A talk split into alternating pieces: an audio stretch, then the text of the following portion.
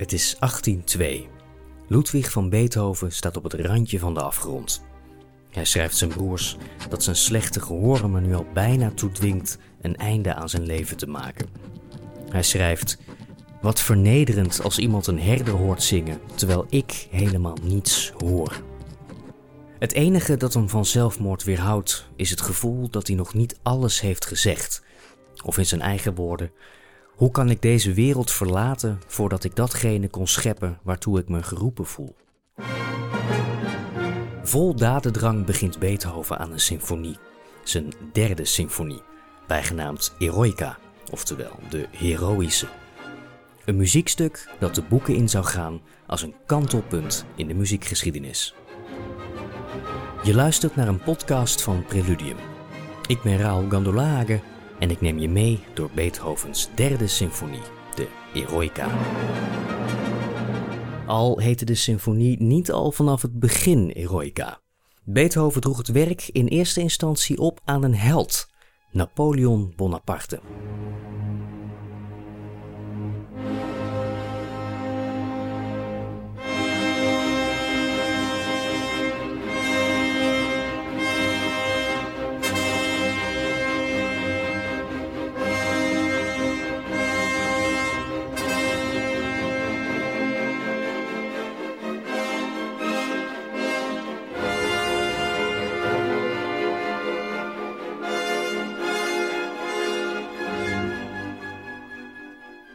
Die liefde bekoelde toen Napoleon zichzelf tot keizer liet kronen.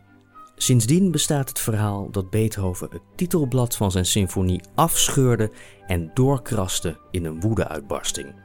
Of dat waar is, weten we niet helemaal zeker, maar Beethoven zorgde er in ieder geval voor dat het woord Bonaparte nergens meer stond. Vanaf nu heette het de Eroica Symfonie. Zeker is dat er in de Eroica een artistieke staatsgreep wordt gepleegd. Beethoven opent met twee veelbetekenende akkoorden, brute hamerslagen, die zeggen: Let op. Dan ontwikkelt zich zachtjes een thema, een pakkende melodie die je de rest van de symfonie niet meer loslaat. De muziek heeft een enorme drive, een energie en zit vol met epische ontknopingen. Hoe zorgt Beethoven voor dat gevoel van gedrevenheid en energie? Het lijkt te komen omdat hij een bouwsteen uit de klassieke structuur van een symfonie heeft weggelaten. Het tweede thema ontbreekt. Zo'n tweede thema is vaak een alter ego van het eerste thema. Samen contrasteren ze.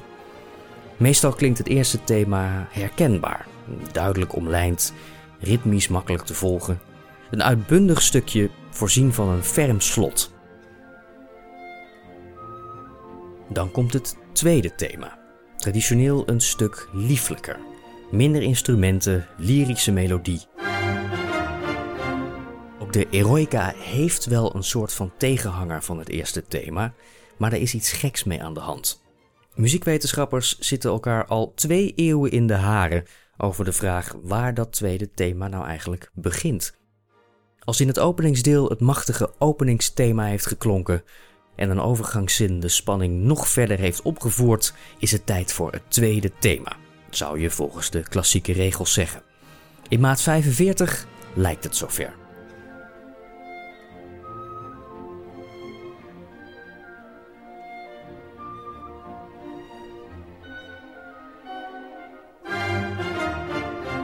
Een nieuwe melodie. Beethoven noteert dolce, oftewel liefelijk, een kantelmoment dus. Vormt dit de inzet van het tweede thema? Het lijkt er wel op, maar er zijn bezwaren. Zo is er de kwestie toonsoort. Een tweede thema vraagt om een nieuwe toonsoort, een nieuw setje tonen, hoger of lager dan het eerste thema. Maar het wil niet echt van de grond komen. Is het dan misschien toch meer een overgang?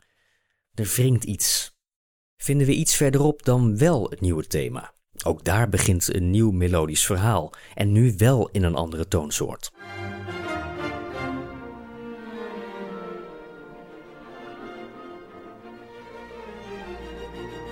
Ja, weliswaar wordt hier voldaan aan de tonale verwachting, maar of er nou echt iets nieuws begint.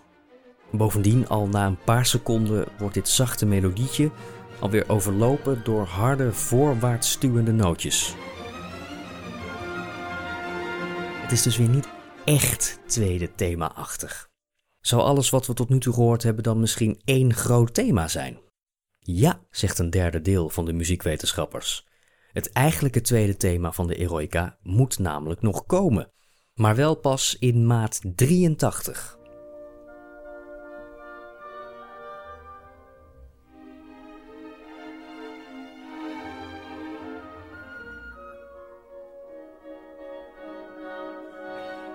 Is dit het dan? Een eigenaardig eiland van ingetogenheid tussen alle onrust. Typisch voor een tweede thema.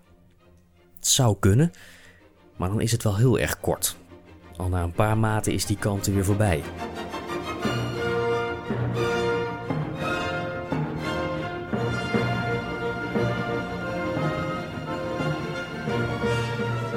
Ook in de rest van de muziek wordt niet echt bevestigd dat dit kalme eilandje echt een thema is. Traditioneel hoor je gaandeweg een openingsdeel van een symfonie nog wat van het eerste en tweede thema terug, afgewisseld met wat nieuwe melodieën. Dat noemen we een doorwerking.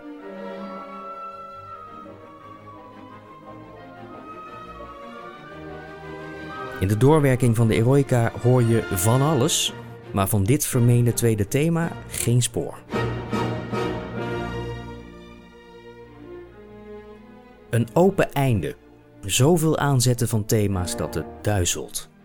Bijna onbegrijpelijk dat de Eroica voor ons toch zo'n meeslepend gestructureerde indruk maakt. Dat was voor de 19e eeuwse luisteraar trouwens wel anders.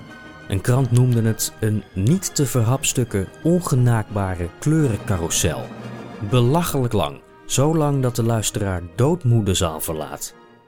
Bij de eerste publieke uitvoering schreeuwde een bezoeker van de bovenste galerij: Ik geef er geld voor als het maar ophoudt.